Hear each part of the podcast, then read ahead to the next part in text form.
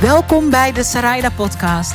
Dit is de plek waar je als ondernemende grootdromer naartoe komt om inspiratie, simpele tools en technieken te krijgen om met veel meer zelfvertrouwen zichtbaar te worden en te komen opdagen, niet alleen in je business, maar ook in je leven.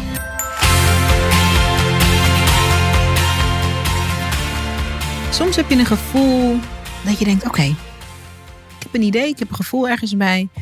En dat moet ik gewoon doen. En eh, het mooie aan het leven kan zijn dat je, als je dat gevoel dan volgt, je geen idee hebt, kan hebben, van dat er vanuit dat volgen van dat gevoel een hele wereld kan openbreken.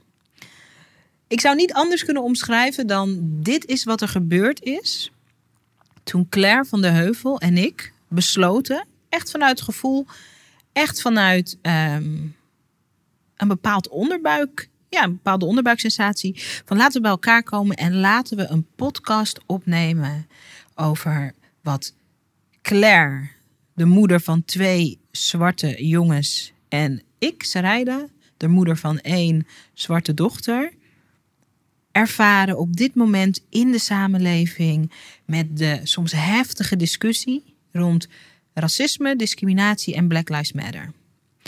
Zijn bij elkaar gekomen. Die podcast heb je misschien wel geluisterd. Het was een van de meest beluisterde podcasts die ik ooit gemaakt heb. Ik word er nog bijna elke dag op aangesproken. En overal zeiden luisteraars eigenlijk altijd twee dingen. Wauw, het was drie. Wauw, het was een eye-opener. Twee, wat een ongemakkelijk gesprek. Ook voor mij, maar wat blij ben ik dat je dat gesprek hebt gevoerd. Jullie dat gesprek hebben gevoerd. En drie, ik heb meer aanknopingspunten nodig. What's next? En die vraag, waar wij overigens op het moment dat we nu met elkaar in gesprek zijn, niet direct antwoord op weten, maar waar we hardop over gaan. Um, filosoferen, brainstormen, what's next? Dat is de aanleiding voor ehm, eigenlijk de deel 2 van de podcast. Ehm, de blinde vlek van white privilege die ik samen met Claire van de Heuvel maakte. Claire, je bent er weer bij, wat fijn. Ja, fijn. Fijn ook om, uh, om hier met jou over door te gaan praten. Ja, als je um, voor het eerst deze podcast uh, hebt gevonden, de Strijden podcast of de podcast van Claire, de True Color Talks, en je hebt de podcast waar wij net aan refereren, nog niet geluisterd. Hè? Eigenlijk die deel 1. Hij heet niet deel 1, maar de blinde vlek van white privilege. Als je die nog niet hebt geluisterd, kan ik je echt met liefde en ten zeerste aanraden. Luister die eerst, omdat we, zonder dat we die hele podcast natuurlijk gaan herhalen, daar ook uh, naar gaan refereren. Um, en ik denk dat je. Um, ik denk dat je een dief bent van je eigen luisterexperience als je niet eerst die aflevering luistert. En als je koppig bent en je denkt: nee, ik doe het op mijn eigen manier. Ik doe eerst deze podcast luisteren. Dan is dat uh, natuurlijk ook oké. Okay, maar kan je echt aanraden om eerst die podcast even te luisteren. We're back. Yes. We're back. En veel gebeurd. Er is veel gebeurd. Wij zijn eigenlijk gaan zitten. We zijn het gesprek aangegaan, bloed eerlijk, als twee moeders van ja. zwarte kinderen. Mm -hmm. Met een blik uh, op de wereld, een blik op de maatschappij. Uh, sprekend vanuit ons hart, mm -hmm. uh, maar ook vanuit ons vuur. Er moeten dingen anders. En dat heeft een enorme reeks aan reacties teweeggebracht. Wat sprong er voor jou uit in wat er qua reacties naar je toe kwam van die podcast? Nou, sowieso was het voor ons allebei eigenlijk helemaal. Wij waren niet per se bezig met dat het een bepaalde mate van impact moest hebben. Nee. Moest hebben hè? We dachten gewoon van nou. Wij willen hier samen over in gesprek. Ja. We hebben beide een platform. Laten we dat in de vorm van een podcast doen. Of we dachten eerst zelfs nog video. We wisten het eigenlijk niet eens. Nee. Hè? Dat is uiteindelijk gewoon op zondagavond een podcast. Gewoon samen een, een gesprek waar toevallig een microfoon bij is geworden. Ja. Het was gewoon voor ons, wij willen hier ons over uitspreken, heel graag samen. Kinderen speelden een hele belangrijke rol. We hebben een platform, we zien het wel. Ja. En ik had er dus ook eigenlijk geen verwachting over. Ik vond het wel ook wel ergens spannend, want het was natuurlijk wel een thema wat toen net echt een beetje aan het ontploffen was ook uh, in de media wereldwijd. Maar de reactie, de, met name de hoeveelheid reacties. Ja ook hoeveel die gedeeld is, hoeveel mensen hem ook hebben gedeeld om hun achterban weer te mobiliseren van luister deze podcast. Het heeft mij geraakt, het heeft me ehm, ongemakkelijk gemaakt op sommige uh, punten ook. Ja, dat vond ik, dat is eigenlijk wat me het meest heeft, uh, nou ja, ik weet het niet, verbaasd ook weer niet, maar wel dat ik dacht, verrast, wow, verrast, ja. ja. En ook uh, wel dat ik daar heel erg dankbaar voor ben. Mm -hmm ook naar jou. Dat ik denk van nou, wat fijn dat je dit onderbuikgevoel gevolgd hebt. Je zegt het in de vorige podcast ook, maar onder de douche stond en dacht ik moet nu Claire bellen. Ja, ik moet nu Claire uh, bellen en we moeten, ja, we moeten dit doen. Nou, super. Uh, thank you dat je zo ingetuned bent dat je naar dat soort signs en, uh, en callings luistert.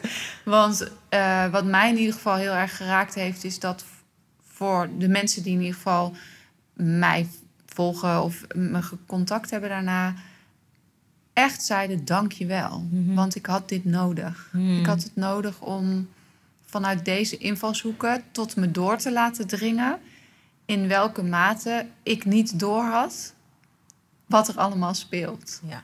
En uh, dat, was, dat is gewoon nodig ook om het wereld, meer wereldwijde debat niet af te doen als ja, dat is Black Lives Matter in Amerika. Of dat is ver van mijn. Ver van mijn bedshow. Jullie hebben ervoor gezorgd dat ik juist ook gewoon in het hier en nu. In, mijn eigen in Nederland, maar ook in mijn eigen spiegel ben gaan kijken. Ja. Ehm, en daar, dat vond ik heel fijn. Dat dat een van de dingen was die we heel erg hebben teruggekregen. Dat mensen echt geraakt waren. Hier en daar echt wel op een ongemakkelijke manier maar wel de luiken open hebben kunnen laten. En daarmee bedoel ik niet in de defense zijn geraakt of hem halverwege hebben uitgezet. Of, ik denk dat we het echt op een liefdevolle manier met elkaar besproken hebben, waardoor we niet ons doel voorbij zijn gestreefd en waarbij mensen gewoon konden blijven luisteren, maar ook dus zich uitgenodigd voelden om echt bij zichzelf ook te raden te gaan. Ja, en dat ook terug te geven. Ja. Je zei net dat um, het je ook een beetje ongemakkelijk heeft gemaakt ik herken dat. Ehm, ik vind het heel leuk om van jou te horen op welke manier dan. Ehm, nog even teruggrijpend. Kijk, we maken allebei al flink een tijd podcast. Ik geloof dat onze podcast, uh, ja, die zal wel, Blinde Vlek van White Privilege, dat is volgens mij podcast nummer 38 of 39. Ik weet even niet uit mijn hoofd. Dus dat betekent dat er in elk geval 37 podcasts aan vooraf is gegaan. Um, inderdaad, nooit gemerkt nog, terwijl we best wel allerlei dingen ook bespreken in die podcast. Het is altijd openhartig. Maar het heeft nog nooit zo'n gevoelige snaar geraakt. En dat heeft natuurlijk ook te maken met de maatschappij. Het heeft te maken met hoe we eigenlijk bloed eerlijk ook onze eigen kijk en onze eigen ervaring op tafel hebben durven leggen. Ehm, en dat is gewoon, ik weet niet of jij dat nu ook hebt. We zijn natuurlijk nu in deel 2 aan het opnemen. Hè? En er zit, speelt ook een beetje mee dat ik denk van, wat gaat er nu ontstaan? Ja. wat gaat er nu ontstaan? En is het wel oké? of moeten we er ons best voor doen? Maar het was juist zo goed, omdat we er nu ons best voor ja, deden. En, en, en ik denk dat we uh, beide ook gewoon maar moeten denken... bij deze ook. Wij, gaan, we, zien wij, wij zien het wel. Ja. Het doet er eigenlijk ook niet toe. Nee. nee. Uh, want ja, hè, uh, maakt niet uit. Ik vind het gewoon belangrijk om met elkaar het vervolggesprek aan te gaan. Ja. Ook omdat we nou, wat, jij al, hoe je, wat je in de introductie zei, waar, was er waren drie reacties. De derde reactie was: we willen hier meer handvatten voor. Ja. Wij weten ook niet precies op welk vlak. Uh, dat gaan we ontdekken. We gaan het zo gewoon over hebben. Dus dat, dat al. Maar wat ik ook gewoon wel merk, is dat ik. Ik heb ook wel in, in uh, reacties gelezen, niet zozeer uit mijn directe omgeving, maar wel gelezen gewoon op, op Instagram of online. Van ja, dit is ook weer zo'n hype. Oh god. En dat doet, doet heel erg af aan sowieso de thematiek. Maar ik denk, het is ook belangrijk om hier wel gewoon over door te blijven praten met elkaar. Ja. Uh, om, om er in beweging te komen. Om er in beweging te komen en te blijven. En daarin, kan, uh, daarin willen wij gewoon in ieder geval, alleen al, als is, alleen al is het samen, een vervolg aan geven. ongeacht ja, wat daar de impact van zal zijn. Het maakt niet zoveel uit. Ja. Mooie heldere intenties. Wat was er voor jou ongemakkelijk na het opnemen van de podcast? Ehm, nou, ik weet niet of het voor mij ongemakkelijk was. ik vond. Ik, dat, ik las dat in heel veel reacties terug. Ja. Dus andere mensen vonden het gewoon. On, af en toe zorgt het bij hen zelf voor uh, nou, ongemak of in ieder geval confronterend. Omdat je dus je realiseert door de voorbeelden die wij gaven of dat wat we deelden. Van wow, ofwel ik heb daar zelf in meer of mindere mate aan bijgedragen door het gewoon niet te adresseren of door te denken dat het niet bestaat of door uh, vast te zitten in uh, die hoogovermieten van nou ik zie geen kleur en dus is het er niet. Ja, dus wat een vorm, dat... en daar spreken we over in de vorige wat, wat een liefdevolle, maar toch vorm van ontkenning is. En Ja. ontkenning draagt bij aan het probleem. precies. En Dus aan ik- het niet healen en aan het niet creëren van een gezamenlijke Ja, oplossing. dus ik denk dat dat, dat, dat wel confronterend is geweest. Ehm, wat, ik, wat ik wel enigszins, nou niet eens enigszins, wat ik dus wel ongemakkelijk vond, maar ik weet dus niet of ongemakkelijk het goede woord is, want ik merkte dat er wat meer vuur bij kwam kijken dan alleen ongemak, Mhm. is dat ik eh, het wel ook opvallend vond hoeveel mensen met een enige vorm van platform Mhm. zich niet uitspreken. Mhm. Ja, Of niet hebben uitgesproken. ja. Of, eh, of zich heel minimaal uitspreken en daarmee dus gewoon niet echt ook. Ja, en ik denk dat er voor mij zit daar. eh, voor mij zit daar een enige vorm van true colors aan. Dus van de ene kant denk ik. Niet iedereen hoeft zich op bepaalde, in bepaalde uitingsvormen, dus social media of wherever, uit te Mhm. spreken als dat niet je ding is. Mhm. Want wie weet doen ze dat thuis wel. Of ik heb ook van een, een paar eh, vriendinnen teruggekregen van... Ja, ik heb echt geluisterd. En ik had even tijd nodig om in mezelf te keren. Mhm. Om echt op onderzoek te gaan. En om me er er even in te verdiepen voordat ik er woorden aan kon geven. Ja, daar heb ik ook veel gehoord. ja. En dat vond ik wel heel mooi. En ook wel integer. Ja. Omdat ze uiteindelijk wel kwamen met die woorden. Ja. Dus dat vind ik de ene kant. Weet je, je hoeft niet allemaal uit te spreken en je hoeft niet allemaal op de barricade te staan. Maar voor sommige mensen geldt, wat mij betreft, als dat wel jouw ding is. Als je je altijd over van als je alles altijd stevig over uitspreekt. van alles stevig uitspreekt en als je ook bepaalde kanalen daar altijd voor gebruikt, Ja. dan vind ik het toch een klein beetje kleur bekennen, letterlijk. Als je dat dan in dit geval heel erg stil blijft. Ja. Dat vind ik wel een gemiste kans. Ja, ik vind het ook mooi. Je omschrijft het heel mooi. Ehm, ik heb ook voor het eerst, en heb ik nooit eerder zo gevoeld, dat ik daar bij sommige mensen waar ik bijvoorbeeld tegenop kijk en keek, die dan inderdaad uitgesproken zijn, maar dan nu angstvallig stil zijn. Ehm, ik heb daar echt teleurstelling in gevoeld en daar ook mee geworsteld. Omdat ik het ook chic vind om te zeggen: ik bemoei me nergens mee, ik focus me op mezelf. Dat, dat, zo sta ik er meestal in. Ehm, is, ook de, is ook een meest makkelijke manier om erin te staan. Eh, ik heb echt ook wel teleurstelling gevoeld bij sommige oorvende, oorverdovende eh, vormen van stilte. En, eh, en, en dat heeft ook wel een bepaalde eenzaamheid aangeraakt in mij. Er zijn heel veel mensen die heel uitgesproken zijn. Ehm, ik denk dat je dat ook herkent. Net als iedereen moet ik ook navigeren van... hoeveel tijd spendeer ik op social media? Als je de, de hele dag op social media bent... dan lig je aan het einde van de dag bewusteloos in je bed. Er gaat heel veel energie in rond. Er worden heel veel dingen gezegd. Je, je neemt het ook allemaal waar. Dus bewust en onbewust moet je dat ook allemaal verwerken. Dus ik bedoel... ehm, dit is juist ook een tijd dat je daar ook volwassen in moet doseren. Nu even wel. En nu even niet. Telefoon uit. In mijn leven. Aanwezig zijn met mijn gezin. Met mijn gezondheid en mijn gemoedsrust bezig zijn. Met mijn business bezig zijn. Hè, Dat, je dat, dat je dat echt managt. Ja, Ehm, en ik denk ook, eh, heel eventjes je bij te vallen... ik denk ook dat het eh, los van dat uit kunnen moeten schakelen... Hè, om weer, dat, het, dat het ook heel belangrijk is om dat af en toe te doen... om weer bij je eigen centrum Ja. te komen. wat vind ik? Wat, Wat, voel vind ik? ik, eigenlijk? Ja. En wat voel ik eigenlijk? Want wat, dat, heb ik, dat bemerkte ik ook bij mezelf. Er wordt zoveel over gezegd. En nu Ja. zie je het wel weer een beetje afvlakken. We zijn nu een paar weken verder. Ja. Maar ehm, er, werd zo, er wordt en werd zoveel over gezegd. Ook dingen van dit kan je niet zeggen, dat moet je wel zeggen. Heel veel zwart-wit denken daar soms ook in. Letterlijk zwart-wit Mhm. denken in deze context. Dat ehm, op sommige momenten dacht ik... oh wacht, ik moet wel echt ook weer even terug naar mijn eigen kern... en, en ook in mijn hart voelen wat diegene nu zegt... ongeacht waar die vandaan komt, wat de achtergrond is, welke kleur, maakt niet uit.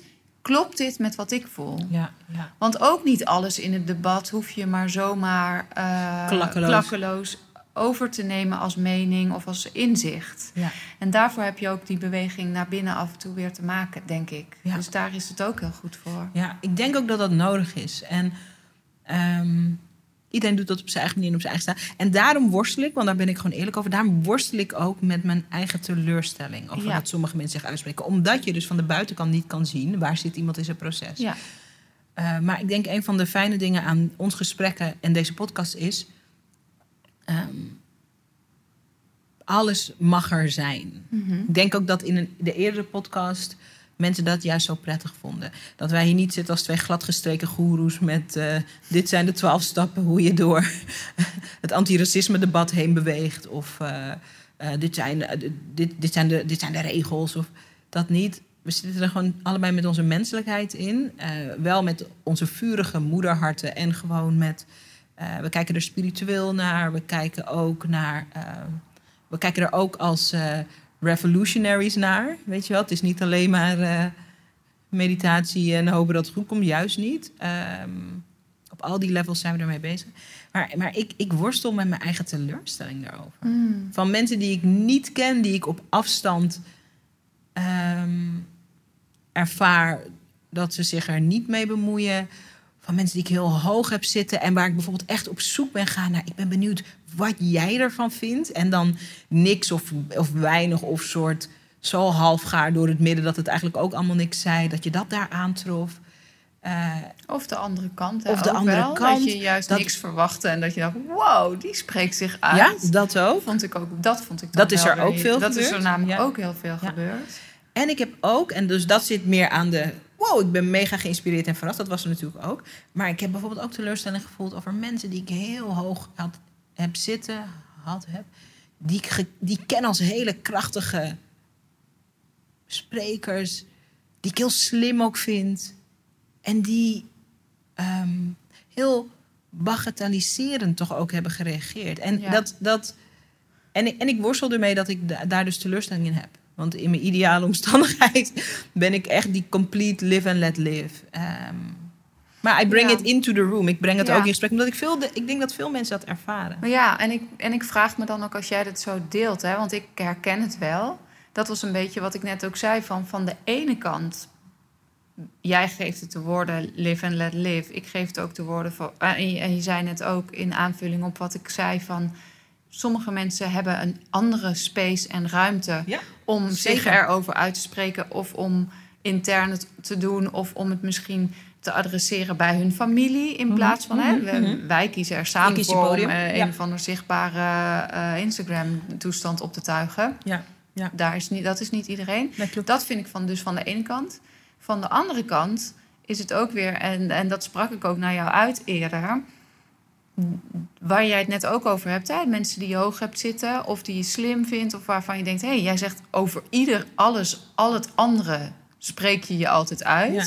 Dan valt het dus op waar, Ja. dat ze dat op dit vlak niet doen. Ja. Ehm, en dat vond ik namelijk ook zo, eh, zo grappig, bijna niet. Maar so- ik zag dus bijvoorbeeld ook sommige, ja, laten we het BN'ers noemen, of eh, maakt het eigenlijk niet uit, die dan ineens die quote gaan delen van ehm, iedereen, everybody has their- own lane eh, in waar je je bijdrage levert. Ja. Hè? En ik dacht, dat klopt. Mhm. But this is your fucking lane. Ik weet niet, je hebt 3 miljoen volgers. Je, dag- deelt alles. Ja, ja. This is your lane. Ja. Hou op met me. En dat voel je in de energie. Dat het toch een beetje een soort van verschuilen is achter... ik kan, ik kan of ik wil me hier niet over uitspreken... want de gevolgen zijn niet te overzien voor de volgers die ik heb... of Ja, ja. voor mijn baan of voor de, voor mijn beeld, voor de beeldvorming... of ik vind het gewoon te spannend Ja. of voor mijn image. Dat voel je wel, hè? Dus daar, dat vond ik dan nog wel even als intermezzo grappig. Maar los van die twee kanten vind ik het gewoon heel interessant wat jij net inbrengt van waar zou dat dan aan liggen?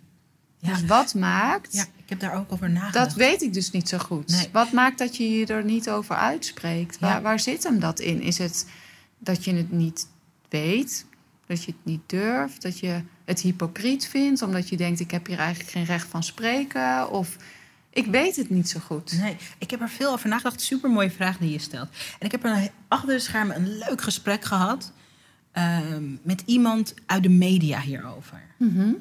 En ehm, als ik bijvoorbeeld naar mezelf kijk, eh, in de tijd dat ik bij de tv werkte en in loondienst was, ehm, ik heb veel van, ik heb een aantal jaar in loondienst gewerkt. Ik werk nu natuurlijk al een aantal jaar als ondernemer en dat, dat, dat geeft een vrijheid ehm, die ik nooit heb gekend eh, in loondienst. En de tijdsgeest was anders toen ik bij de tv werkte, maar ik weet dat ik daar ook meer mijn woorden woog. Mhm. En als ik daar naar terug ga en als ik ook denk aan dat leuke gesprek wat ik heb gehad met eh, diegene uit de media, ehm, eh, zat er een soort angst voor verlies onder. Ja. Dus angst voor. ehm, angst om bijvoorbeeld vervelend gevonden te worden of moeilijk. Veel vrouwen, kijk, ik luister veel vrouwen in deze. Bij veel vrouwen zit een grote angst op. Je wil niet moeilijk zijn, je wil leuk en makkelijk in de omgang zijn. Dus ga jij nou die ingewikkelde onderwerpen aankaarten? Eh, omdat het een politiek. Politiek is misschien het juiste woord, het is, het is ook politiek, maar het is een maatschappelijk politiek eh, onderwerp. Ja. Dat betekent, daarvan is bijna. eh, de belofte daarvan is. Er zullen mensen het eens zijn en, en, en oneens. En dat is heel zwart-wit. Bij sommige meer algemene onderwerpen eh, is, die, is, is de polarisatie daarvan minder. Minder, ja. Dus bijvoorbeeld eh, als wij eh, een podcast opnemen over ondernemerschap, dat doe ik natuurlijk ook veel. En we hebben het erover dat je, ik zeg maar wat, hè, dat je als ondernemer je eigen diensten en producten het allerbest zou moeten kunnen aanprijzen. Ja, daar zijn mensen het mee eens of niet. Maar dat is helemaal niet een heel gepeperd debat. Ehm, met racisme en discriminatie is, is het wel gepeperd, omdat. Ehm, omdat ik denk dat er meer van de manier waarop je jezelf wil zien, daar is meer in het geding. ja. Stel dat je nu toch moet gaan. eh, ik had een prachtig gesprek met een influencer. Zij eh, wel heel openhartig en zij zei tegen mij in privé. eh, ze zei. door alle introspectie heb ik ontdekt, zegt ze, ik ben eigenlijk bang voor zwarte mannen. Ik heb daar toch onbewust veel over geleerd dat dat geen goede jongens zijn. Ehm, dat dat niet oké is voor mij. Ze zegt nooit expliciet, maar impliciet. Door de beeldvorming, door bepaalde verhalen. En dat vond ik zo, ze vertelde dat tegen mij. Ik vond dat zo cool dat ze dat deelde. Maar het is ook maar wat om dat van jezelf toe te moeten geven. Zeker. En eh, dus er hangt zoveel van af. En ik denk de mate waarin je. En van de ene kant voel ik dan dus zeker, hè? want dan hoor ik mezelf zeker zeggen. En van de andere kant denk ik ook weer helemaal niet. Want eigenlijk, door dat te delen, wij hebben ook dingen gedeeld. Hè? Ik deel ook, ik weet niet meer of ik het voorbeeld deelde ook in de podcast vorige keer, maar dat we door die beeldvorming zijn we op een bepaalde manier gewired. Dus ik weet dat ik net voor of na ons gesprek eh, door Haarlem liep. En er kwamen drie jongens een steegje uit. En er, er was één Antilliaanse jongen en twee Marokkaanse jongens. En ik voelde mijn systeem reageren. Dat slaat nergens op, maar het reageert wel. Dus ik voelde even een kleine schrikreactie en dat ik mijn tempo iets aan ging passen. Ja, ja, ja. Maar dat toegeven, Ja. daarvan denk ik niet. Ik heb daar niet een gevoel bij dat me dat. Ik vind, dat juist, ik vind het juist belangrijk dat we dit soort dingen gaan uitspreken. Ja, maar als jij dit zo zegt, ik krijg echt een mega, daarom zitten we hier ook, een mega openbaring. Kijk, Claire, de veiligheid die jij in jezelf voelt, en ook ik in mezelf, dat ik zeg, oh, ik ben teleurgesteld en ik worstel daarmee, ik wil mhm. eigenlijk niet teleurgesteld zijn. Dat jij zegt, ik, ehm, ik zag laatst drie jongens op straat en ik reageerde. We leven in verschillende werelden, hè? En als ik terugga naar de tijd dat ik bij de tv werkte, uh, ik zat daar voor een deel, niet de hele tijd, ook in een omgeving waarop ehm, dat menselijke proces, uh, dat we dingen ontdekken. Oh my god, dit doen we eigenlijk. Oh, dit doen we eigenlijk niet. Daar is een bepaalde veiligheid voor nodig. Als die niet als dat als spier niet goed getraind in jezelf zit, of als je in een hele uh, vijandige omgeving zit, en dat is soms is dat je gezin, soms zijn dat je vrienden, ja, klopt. Uh, dan heb je dat niet geoefend. Nee, dat klopt. En ik maar daar vergis ik mij gewoon soms in. Want ik heb het ook wel eens als ik bijvoorbeeld mensen uitnodig voor de podcast, dat ik denk, hé, hey, jij bent leuk, je deelt al van alles, en dan vraag ik True Color Talks, en dan zeggen ze nee. Ja, ja, ja, en dan denk ik, oh, ik heb helemaal niet meer helder dat er een heleboel dat je daar echt dat veiligheidsstuk wat jij nu zo mooi benoemt. En dat het een spier is die ja, je traint die heb ik wel echt getraind. Eerlijk. Ja, ja, en ik ook. Ik, dat heeft ook te maken met ons werk. Ja. Het heeft ook te maken met de keuzes. Klopt, daar heb je gelijk in. Ik ging weg bij de tv omdat ik dacht, ik kan niet, ik kan, ik ben niet helemaal mezelf. Nee. En dat doet pijn. Ja. Maar dat was natuurlijk voor mij een enorme. Ik liet toen heel veel zekerheid los. Ja. En uh, en als ik ook terug, dat is een belangrijke keuze voor mij geweest. Die heeft ook mijn leven gekleurd daarna. die keuze heb jij ook gemaakt. Ja, maar dat, en weet je nu, waar ik nu ook aan moet denken is. Um, Voetbal International Johan Derksen. Ja, want dat schoot net ook al door mijn hoofd. Dat ik nog tegen je. Toen had je had net een verhaallijntje, ik weet even niet meer waar. Maar dat ik dacht, waar ik dus bijvoorbeeld zelf teleurgesteld in was, is dat de mate waarin mainstream media dit onderwerp aangepakt hebben. Ja, Want eh, A bleef het best wel lang stil. Dat ik dacht, hallo, is er nou nergens een voorpagina te ontdekken over dit? Toen kwam natuurlijk dat dat kwam heel eventjes door het protest op de Dam. Ja, ja, ja, en die protesten door heel Nederland. En daarna die protesten door Nederland heen. Maar al heel snel ging dat meer de sensatiekant op. Ja, ja. Uh, en ik dacht, de media-aandacht die, door, die er is gekomen voor, voor Voetbal International, Voetbal International Ehm, misschien goed, weet niet, moeten we zomaar even analyseren. Maar ik dacht wel, wowzers, hé. als het de sensatiekant op gaat... en als het schoppen en duwen is... en als het, dan is er ineens best wel wat exposure. Terwijl voor een wat meer gefundeerd... Meer genuanceerd. Meer genuanceerd uh, gesprek... daar is gewoon kennelijk, ik weet niet, minder draagvlak voor of zo. Of minder... Dat vond ik wel opvallend. Ja. Want ook in de talkshows of zo, ik dacht van, oh. kunnen we niet gewoon daar even, even hier een genuanceerd, goed, wel fel, dat mag wel. Tuurlijk. Gesprek over Maar met respect en fel en uh, eerlijk vooral, ja. Ja, vooral eerlijk. Ja. Oeh, ik wil duizend dingen tegelijk zeggen. Um, dit is wat ik heb geleerd. Ik heb dat echt geobserveerd. Ik ben op een bepaalde manier ook onderdeel van geweest. Dit is wat Johan Derksen. Johan, ik weet dat je deze podcast nooit gaat luisteren. Mocht er een soort rare, mocht je, mocht er... Door een twist of fate, ja, mocht, alsnog bij deze podcast Mocht je op een dag opstaan en denken, ik zie de wereld compleet anders en je luistert deze podcast. Ik heb ongelooflijk veel van Johan Derksen geleerd. En dit is wat ik heb geleerd. Ik ben geen kijker van Voetbal International. Maar het is... Mijn vader, toen hij nog leefde, was echt een voetbalfanaat van uh, hier tot Tokio. Mijn vader keek dat. En al zolang die show bestaat, en dat is heel lang, kan ik me herinneren dat mijn vader zich uh, uitsprak over. Die Johan die zegt echt racistische dingen. Nou ja, je kan Google uh, racistische dingen, homofobe dingen, uh, vrouwonvriendelijke dingen. De lijst is ellenlang. Wat ik laatst in een, in een, in een podcast die ik ook maakte met drie zwarte mannen over hoe het nu is om een zwarte man te zijn in Nederland. Wat daar heel mooi naar voren kwam, is dat. Um, hij had dat gezegd over Aquasi. Weet dus zeker dat het niet Zwarte Piet is. Um, vervolgens hebben ze een show gewijd hè, aan. Um, nee, nee, ik vertel niet goed. Daar kwam ongelooflijk veel commotie over. Mm -hmm. dan zie ik ook in de kranten van uh, vermeende racistische opmerking. Het is echt, jongens, dat is echt heel interessant. Moet je maar eens kijken wat jij ook zegt.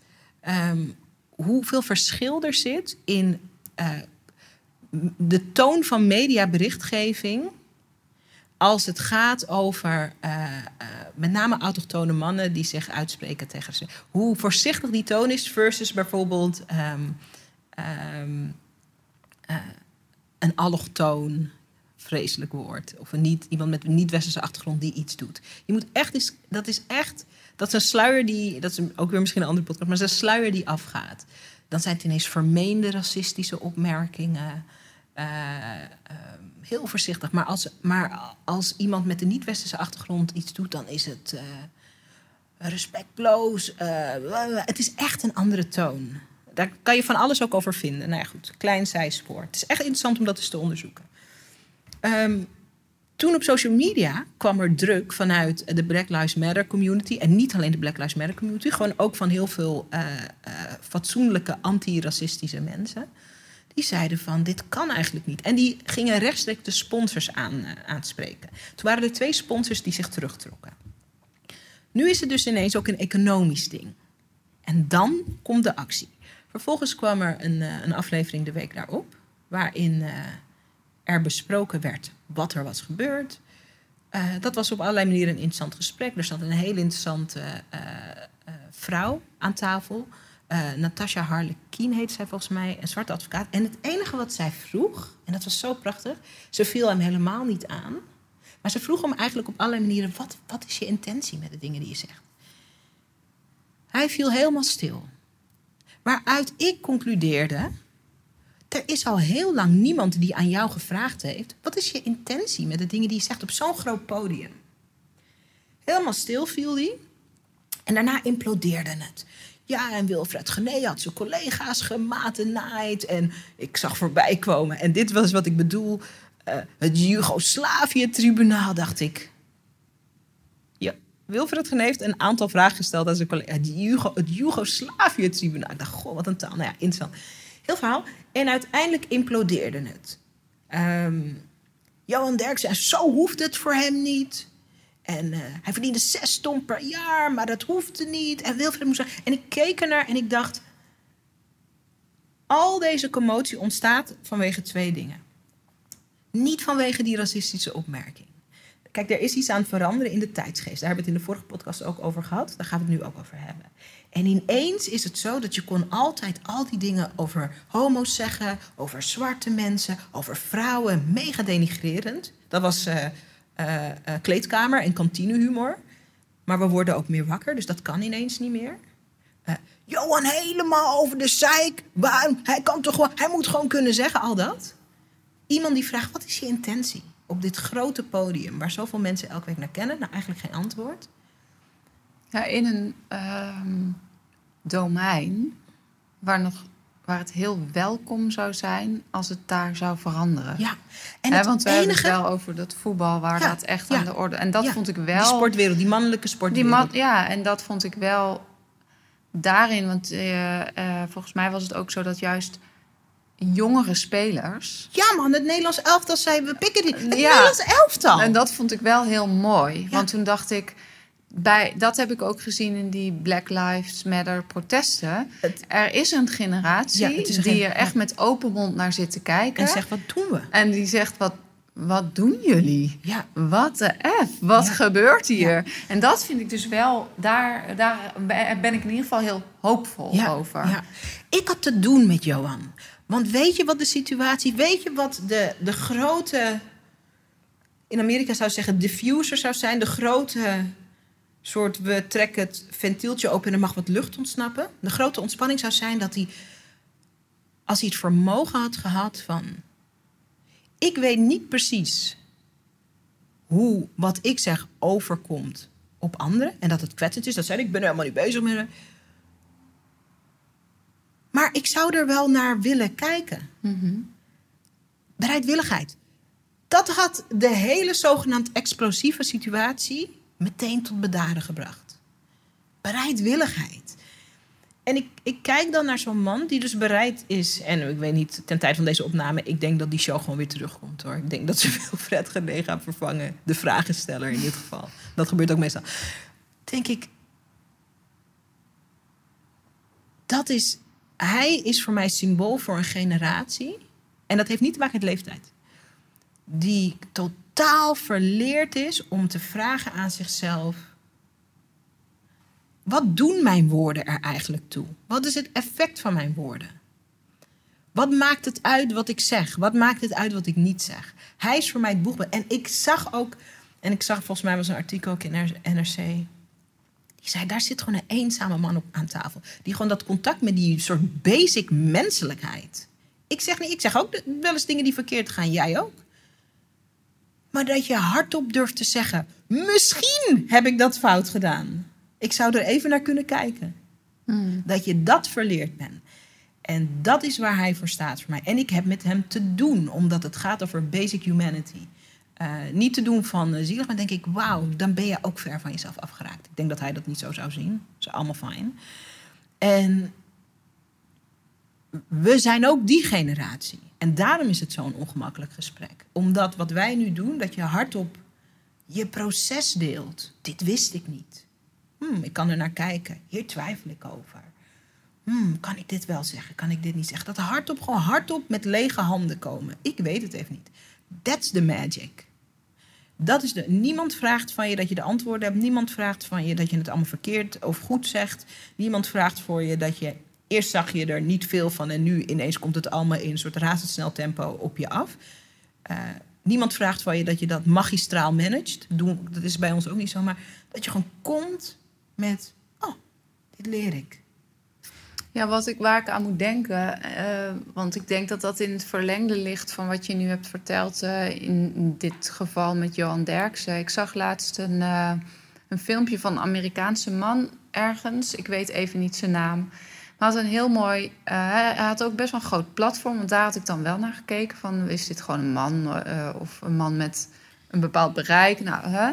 En die had een filmpje waarin die uh, en dat vind ik dus wel ook een concreet handvat. Omdat mhm. mensen ook hadden gevraagd van wat mhm. moet ik nou? Hè? Mhm, en het ligt in het verlengde hiervan, daarom deel ik het. Dat hij vertelde, en dat raakte me wel, omdat ik denk dat dat wel ergens echt zo is. Hij zei, um, zoals we allemaal vastzitten in bepaalde patronen en bepaalde uh, ongeschreven gedragsregels, hebben met name witte mannen van een bepaalde generatie ook de ongeschreven gedragsregel dat je elkaar niet afvalt als er racistische of grappen gemaakt worden. Een soort bro-code. Ja, het is een eh, beetje een soort. Dus, dus ook in. Het is heel lang gewoon normaal geweest. En dat komt ook ergens vandaan. Dat zal misschien zelfs ook wel heel vroeger al ontstaan zijn in de slavernij. Of je weet niet waar het vandaan komt.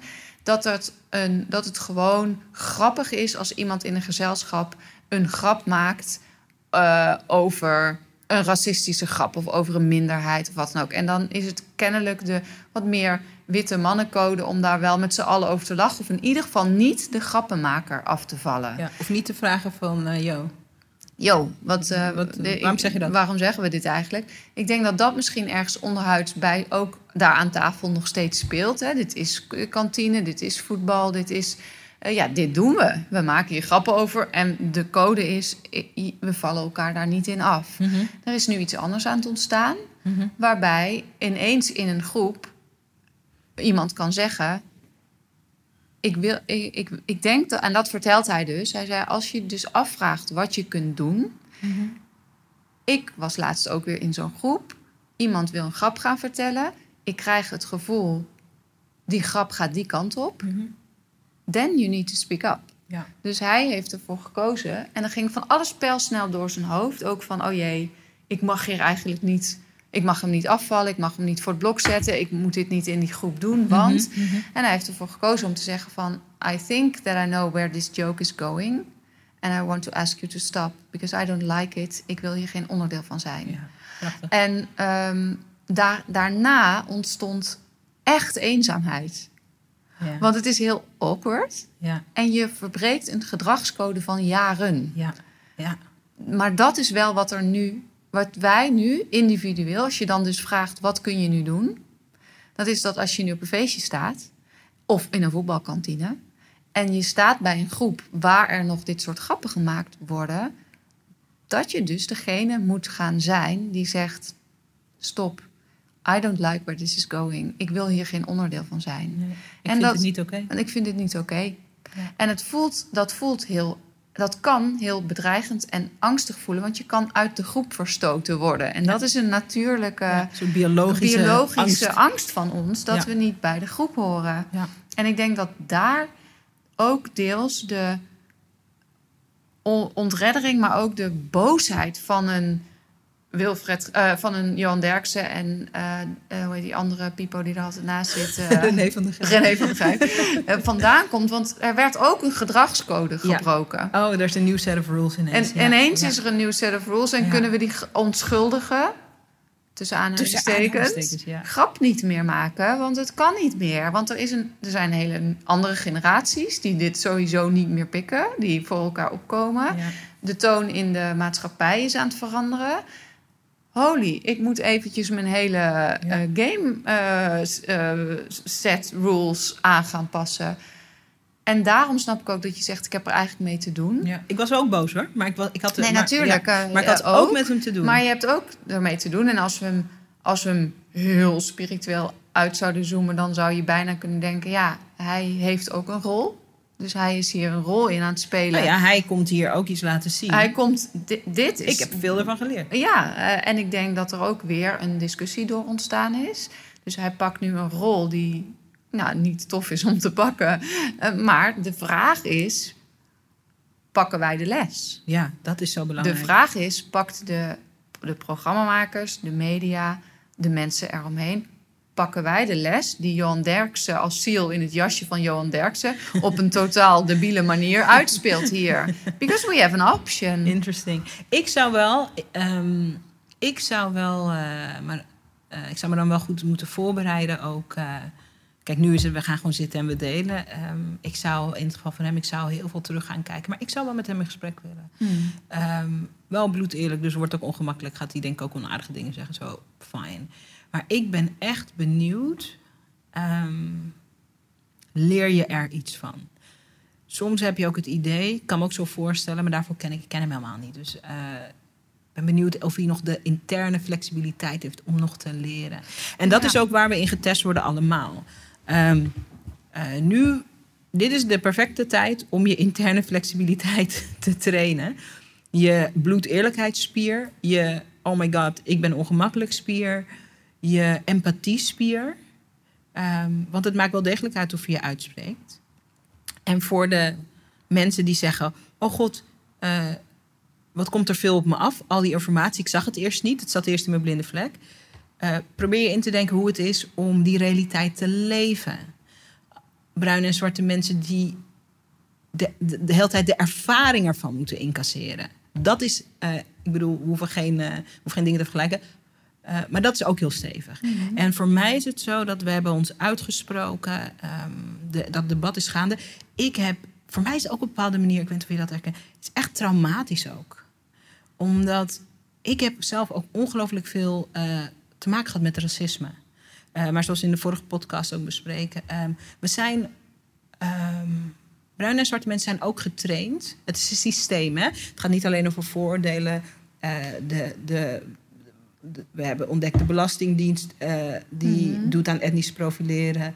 Uh, uh, de politie doet aan etnisch profileren. Um, op de banenmarkt doen ze aan etnisch profileren. Hè, mijn dochter met de Afrikaanse achternaam. er zijn allemaal onderzoeken. Echt, de feiten zijn echt redelijk onomstotelijk. Dat het voor haar bijvoorbeeld veel moeilijker wordt dan uh, jouw kids hebben een Nederlands achtergrond, uh, achternaam, achternaam, Maar jouw kinderen gaan meemaken. Want dat, sommige van mijn donkere vriendinnen die vrij Nederlands klinkende achternamen hebben. Want veel Surinamers hebben een Nederlandse achternaam, ik ook. Die gaan straks meemaken dat ze komen opdagen. En dat, de dat, verwarring in de blik en dat van ze de zeggen, En dat ze dan ook zeggen van, oh, oh, ik had, oh uh, hoe, hoe heet jouw kinderen van de achternaam? De Groot. De Groot. Oh, De Groot. Ook, ook, ook had een heel ander idee bij. Ja. En in die mineur moeten ze vervolgens their best self laten zien. Um, um, al die ervaringen hebben wij. Mm -hmm. Maar voor mij is het toch ook traumatisch geweest. Ik wist het van mezelf. Ik weet van mijn broertje. Ik weet wat mijn ouders hebben meegemaakt. Maar ik. De, en ik begreep conceptueel dat andere zwarte mensen dat ook veel meemaakten. Ehm, je hebt het daar ook niet altijd over. Zo werkt het ook met trauma's. Niemand Nou, met een trauma heeft het altijd over zijn trauma. Nee, Maar- en daar hebben we het natuurlijk vorige keer ook over gehad. En ik denk dat dat was wel wat ik veel teruggekregen heb. Dat mensen dat echt een eye-opener vonden. Is dat, eh, weet je, jij hebt dat toen ook zo mooi geschetst. Van je hebt ook echt geleerd om altijd harder je best te doen. Ja. Hè? Om, en om erboven te staan en om het niet te benoemen. Ja, Dus ik kreeg soms eh, ik kreeg vaak terug dat mensen dat heel erg een eye-opener vonden. Dat je dacht te zien aan de mensen die je wel kent in je omgeving die zwart zijn. eh, of eh, andere etniciteit hebben van... ja, maar die doen het toch goed? Die zijn goed terechtgekomen. Die hebben mooie banen, hè? ja, En daarvan zeiden wij ook, but did you ask them? Ja. Of zij de ervaringen Ja. hebben dat ze daar wel degelijk Ja. doorheen te worstelen hebben continu. ja, ja. Het is gewoon net als met alle trauma's. Ja, Net als met. Dat eh, ga je- dan dat, ga dat, je dat op is geen constant onderwerp. Dat is ook wat een trauma een trauma maakt. ja maar het is ook, niet goed eh, bespreekbaar. Dat is ook nog eens wat je geleerd Ja, is. ja hè? zeker. Omdat je juist geleerd hebt Ja. om je niet. Je hebt er niks aan. Zeker nu is dan, breekt het dan open dat mensen naar willen luisteren. Maar ook met pijn en moeite. Ja. Zwarte Piet discussie is daar een fantastisch voorbeeld van. Met pijn en moeite. Dus je ouders hebben je geleerd. Mensen willen het er ook niet over hebben. Ehm, pak gewoon die vierkante centimeter waar jij je invloed hebt en werk gewoon harder. Doe meer je best. Bewijs je, bewijs je, bewijs je. En een van de dingen die, die ik dus nu als traumatisch ervaar. En ik, ik onderzoek gewoon rustig van wat moet ik daarvan leren, wat kan ik daarmee. Eh, en het, het stemmen ook emotioneel is dat nu beginnen die verhalen te komen. En het zijn er zoveel. En het zijn zoveel vergelijkbare. Zoveel vergelijkbare. Van, eh, ik volg eh, een fantastische. eh, ze was een radiopresentatrice bij Q Music. Ze heeft een eigen podcast. Ze heet Mandy Wolkens. Ze is ook Surinaams, echt fantastisch. Dan deelt ze over alles wat ze meemaakt. Dat ze, hoe vaak ze voor Zwarte Piet is uitgescholden. Soms ook door ouders als kind. Heb ik ook meegemaakt. Ehm, dat ze een schooladvies kreeg. Wat geloof ik de MAVO was. Terwijl ze het gymnasium heeft afgerond.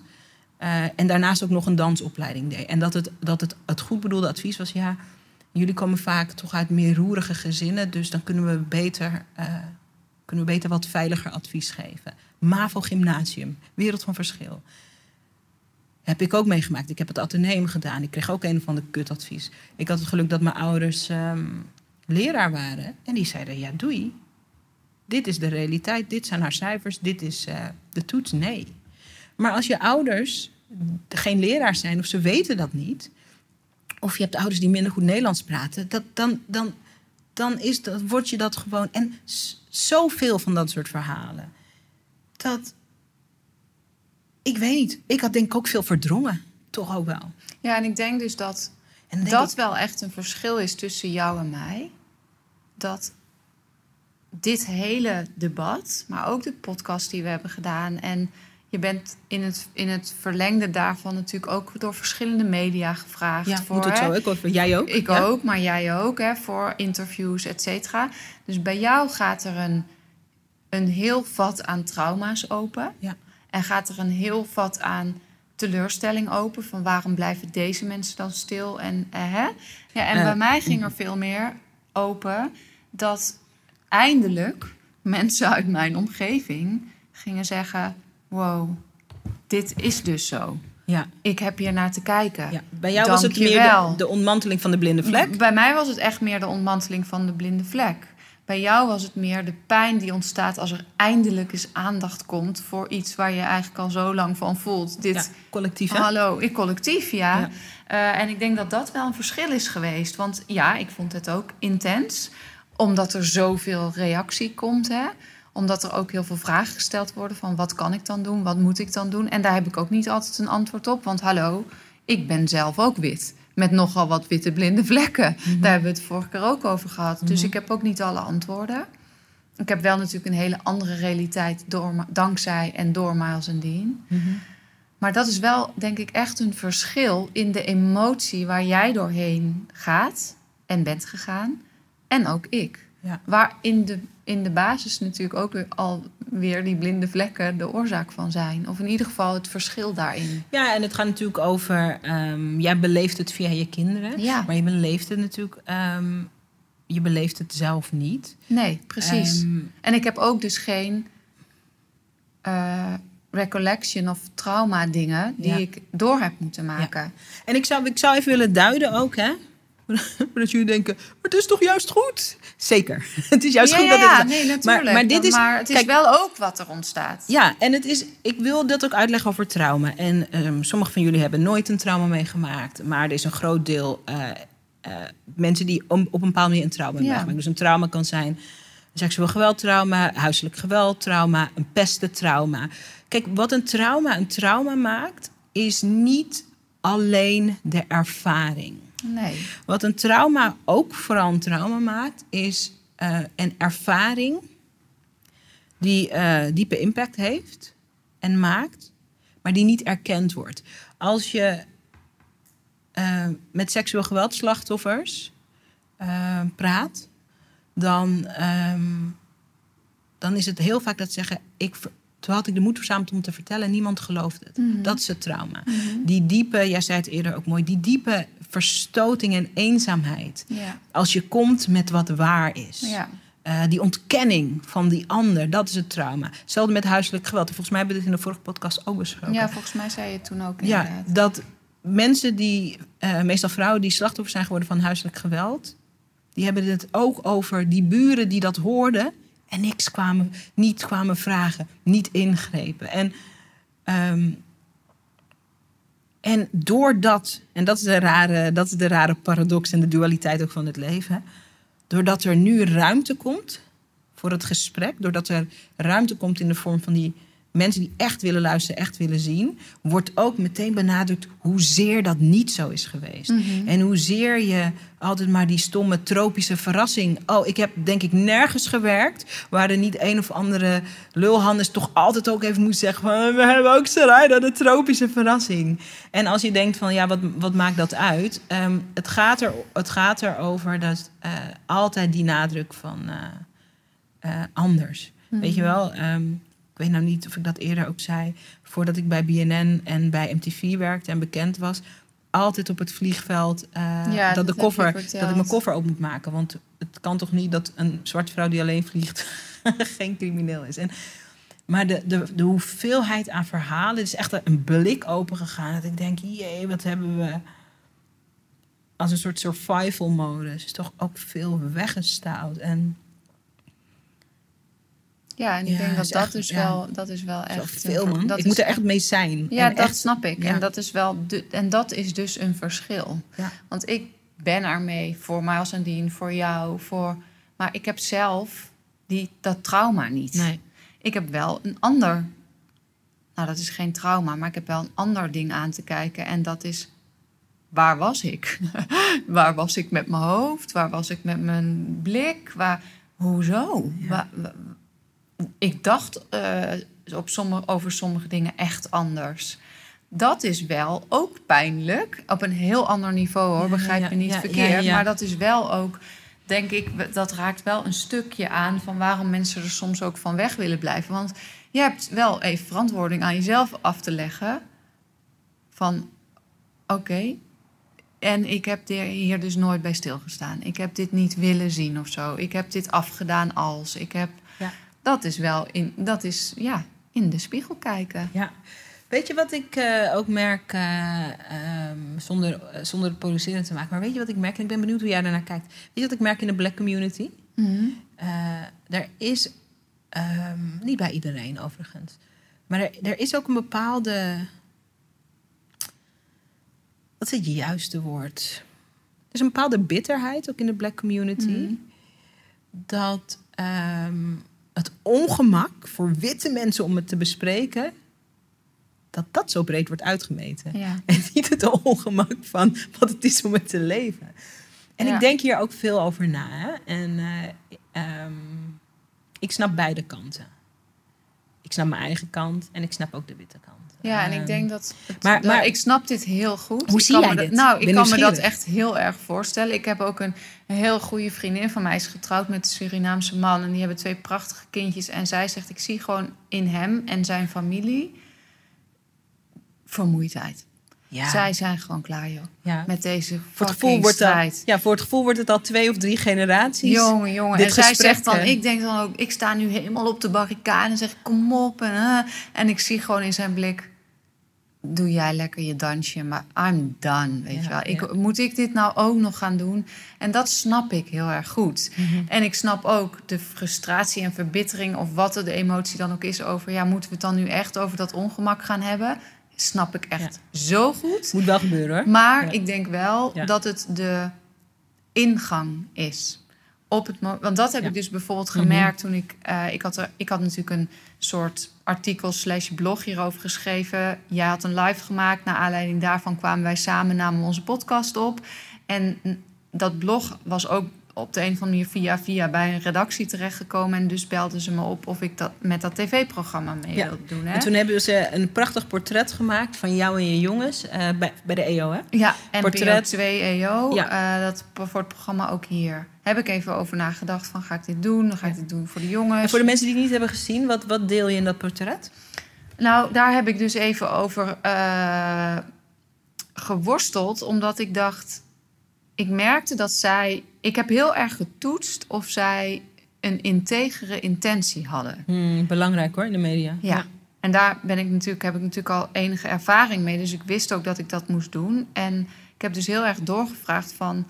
Mijn intentie om mee te doen is om ehm, wakker te schudden. Mhm. Maar ook om te hopen toekomstperspectief te creëren... Mhm. voor waar we met elkaar naartoe moeten. Mooi. Mijn intentie is niet om zoveel mogelijk sensationele anekdotes te delen over hoe erg het is wat Maas en Dien door moeten maken. Ja. Want A, wil ik daar mijn kinderen niet voor Lenen? lenen, Nee. want daar hebben ze nog geen stem in.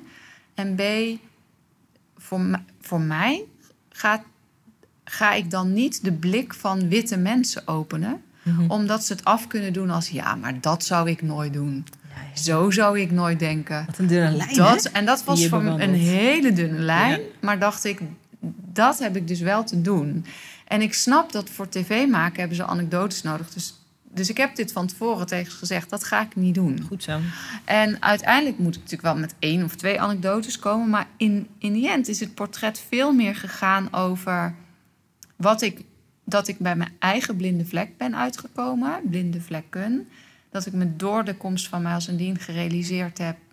Wow, dit is echt in de haarvaatjes van de samenleving bijna nog dagelijks aan de orde. Dat heb ik als wit iemand nooit zo gerealiseerd. Want ik word daar niet mee geconfronteerd. De definitie van privilege. En het tweede was dat mijn, mijn ervaring met het ongemak van witte mensen als je het hierover wil hebben. Want dat is wat ik ook heel erg Mhm. ja, heb meegemaakt. Ja, wat je ook beleeft. ja. En wat ik ook wilde delen. Eh, omdat ik da- hoopte dat mensen dan bij zichzelf zouden denken van ja, vind, dat vind ik misschien ook wel. ja, ja. En wat kan ik daar? Dat is een, letterlijk een hand- handvat van ja, daar, daar moet ik dus doorheen. Dus daarmee denk ik dat ongemak wel een Zeker. thema en ingang Oh, is. zeker, zeker. Want dat is wel wat ik als reactie voor dat, van dat portret heb gekregen. Omdat ik het heel rustig heb gebracht, bij mezelf heb gehouden, niet in de sensatie ben gegaan en juist heb gezegd: Dit is gewoon wat ik zie als wit iemand. Ja, En we vinden het met elkaar kennelijk bloedongemakkelijk. But we have to show up. En dit is wel wat ons nu te doen staat. Zijn een heleboel mensen bij zichzelf te raden gegaan. Want Ja, daar heb ik ongekend veel reacties op ja, gehad. prachtig, prachtig. Als je dit zegt, dan... dan, dan, dan eh, ik ben het helemaal met je eens, hè. Ehm, ik vind het ook mooi dat je zegt dat ongemak is de ingang. Think that's so true. Dat gezegd hebbende, ik kan niet wachten tot we de on- het ongemak een beetje voorbij zijn. Ja. En praktischer met elkaar gaan praten. En Mhm. daar wil ik ook wat handvatten in aanreiken. Dit is wat ik me voorstel. Visualization. Even wie- het lijkt me heerlijk dat we op het punt aankomen met het gesprek. Dat we bijna gewoon feitelijk kijken naar, ehm, oké, eh, met een bepaalde achternaam eh, heb je ongeveer zoveel procent minder kans dat je überhaupt wordt uitgenodigd voor het gesprek om te kunnen laten zien wat je kan. Oké. Waar komt dat vandaan? Moeten we altijd terug in de tijd? En Nederland heeft in die zin een zeer rijke geschiedenis, rijk de zaakjes, als het gaat om uh, institutioneel racisme. Sorry, pijnlijk, maar de Nederlanders zijn echt een ingenieursvolk op dat gebied, wereldwijd. Sommige van de ergste dingen die we ook zien, bijvoorbeeld in Zuid-Afrika, waar uh, die apartheid, uh, wat ook een letterlijk een Nederlands woord is, apartheid is, is in het Engels het woord voor apartheid, mm. voor segregatie. Dat komt ergens vandaan. Um, als we die geschiedenis beter gaan leren kennen, niet zodat je je hoeft te schamen, niet zodat, maar dat je gewoon begrijpt hoe. Um, uh, Nederland is natuurlijk niet een, een, klein, een, een, groot land, maar het is een heel invloedrijk land ook geweest ook. Ja, dat vind ik ook zo mooi aan de. Er is nu ook een podcast dat die heet De Plantage van mijn voorouders. Dat vind ik ook zo'n handvat waarvan ik denk, ga die maar luisteren. Mooi, mooi. Daar zijn ze echt aan het uitzoeken. Uh, heel mooi is dat. Moet je maar gewoon gaan luisteren. Maar ja. dan gaat hier ook, heeft mij ook weer veel geleerd. En veel inzicht gegeven over onze rol. Ja. En ook waar het vandaan komt. Het antwoord ligt in de geschiedenis. Niemand die tegen je zegt: luister die podcast of lees bijvoorbeeld het boek Wijslaven van Suriname, Anton de Kom. Er is zoveel te lezen en te leren. Um, niemand zegt dat zodat je je moet gaan schamen thuis.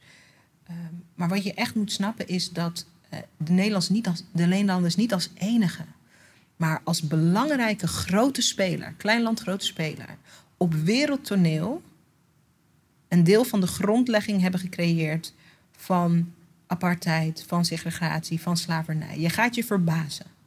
Als je er durft met een beetje een neutrale blik naar te kijken, het is een beladen onderwerp, neutraal, dan ga je heel veel leren. Dan ga je ontdekken van wauw, um, we komen met z'n allen uh, van dat construct. Institutioneel racisme is een construct. Je zei net mooi, het zit in de haarvaatjes van de samenleving. Hoe komt het daar? Omdat sommige van onze wetten, sommige van de, sommige van de manieren waarop uh, instanties en overheden gerund worden, dat ook in hun basis hebben. Het zal je verbazen. Ik las vandaag ook bijvoorbeeld weer dat in de medische wereld um, uh, dat bij een bepaalde nierafwijking. Dit is een, wetgeving, dit is een richtlijn van, van 2020, 2020. Dat bij een bepaalde nierafwijking um, dat de waarden anders berekend dienen te worden voor een iemand, en dat staat er echt, afkomstig uit het negroïde ras. Oh. Dat betekent dus dat met een bepaalde aandoening. Kijk, en hoe. Ik ben geen dokter, maar hoe bepaalde waarden berekend worden. dat heeft dan te maken met het, het soort medicijnen wat je kan krijgen. Dat moet dus anders berekend worden. Het is een wetgeving uit 2020. Of wetgeving, een richtlijn. Het is er. Het maar, is en er. is dat dan niet. Is dat, weet ik niet, hè? is gewoon een vraag. Maar is dat niet ontstaan omdat er. Uh, want ik weet ook nog dat, er, dat ik wel eens gesprekken in het ziekenhuis had, maar wat, dat in verband met Maas en Dien dus, hè, Mhm. dat er geen richtlijnen waren voor hun genetische afkomst. Dus dat, er, dat ze wel degelijk om hun samenstelling of om hun huid of om de mate waarin ze reageren, eh, zoals Aziatische mensen natuurlijk ook weer anders. Uh, en dat het gewoon nooit ergens uh, in protocollen of in wat dan ook staat. Dat zou heel en dat kunnen. het dus wel opgenomen moet worden. En dan is deze benaming natuurlijk Nee, maar dat, ja, maar dat gaat gewoon achterlijk. ook. Ja, maar het gaat gewoon dat we. Het, ik denk dat het zo belangrijk is dat we. Het is er. Het is er, dat onderscheid. Het is een vorm van onderscheid. Ja, en maar En mijn vraag dat- bij ja. deze is dus los van, hè, want ik denk inderdaad van. Er is op zoveel vlakken is er onderscheid. Hè? Dus ook in de politiek of in de regelgeving, belastingdienst, alles wat je. En Ja. waarschijnlijk ook in het ziekenhuis. En bij deze vroeg ik me gewoon even af in hoeverre.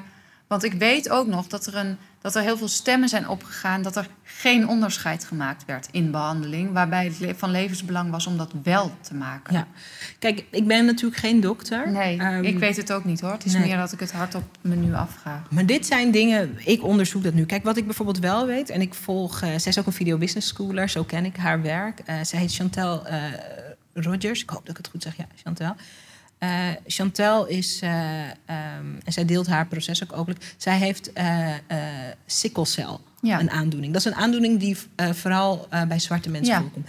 Zij vertelt super mooi over. Er, er zijn zo weinig resources. Ja. Er is, wordt zo weinig onderzoek naar gedaan. Precies. Omdat het zo weinig als belangrijk. Ja. Nee, nee, nee. Omdat zo weinig als belangrijk wordt bevonden. Oh, ja, omdat precies, het niet eens om, Ja, omdat het een ziekte is die in principe alleen bij zwarte mensen voorkomt. Of die het meest geconstateerd wordt, ik moet zo zeggen. Dus er, ik bedoel, er zijn mensen die hier denk ik nog, nog genuanceerder, nog betere dingen over kunnen zeggen. Maar dat, dat speelt ook nu. En zij maakt zich bijvoorbeeld hard voor.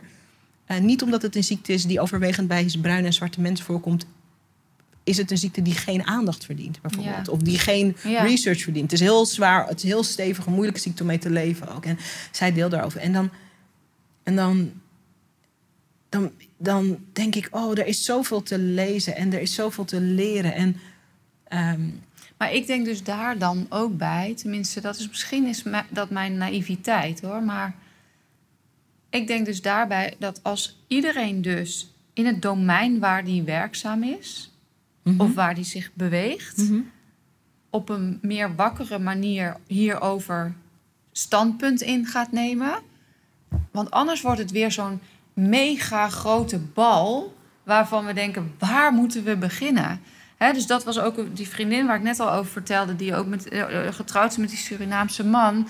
Die, um, die had ook een discussie met, een, uh, met andere kennis in de media. Van ja, je vraagt me nu om anekdotes. Maar het echte werk zit om bij jou op de redactie te gaan kijken... hoe zit het hier met de verdeling? Ja. Uh, is de redactie een, een, afspiegeling, een afspiegeling, van de samenleving? Van de samenleving. En, en zodat je niet met een witte redactie met elkaar bedenkt... anekdotes, we moeten anekdotes doen. Want diegene had je misschien wel kunnen vertellen van... nou, uh, laat, Dit is, ja. laten we het hierop sturen, weet ik veel. Maar dus als iedereen dus in zijn eigen domein gaat kijken... in zijn bedrijf waar die juf is. Waar, maakt niet uit, hè? Hoe zit het? Het schoolplein, ja. Hoe zit het met de regelgeving? Ja. Hoe zit het met de afspraken? Hoe zit het met het onderscheid? Hoe zit het met het gebrek? Hoe zit het met de zorg? hoe zit het wherever? Of wat zijn wat zijn Dan denk ik...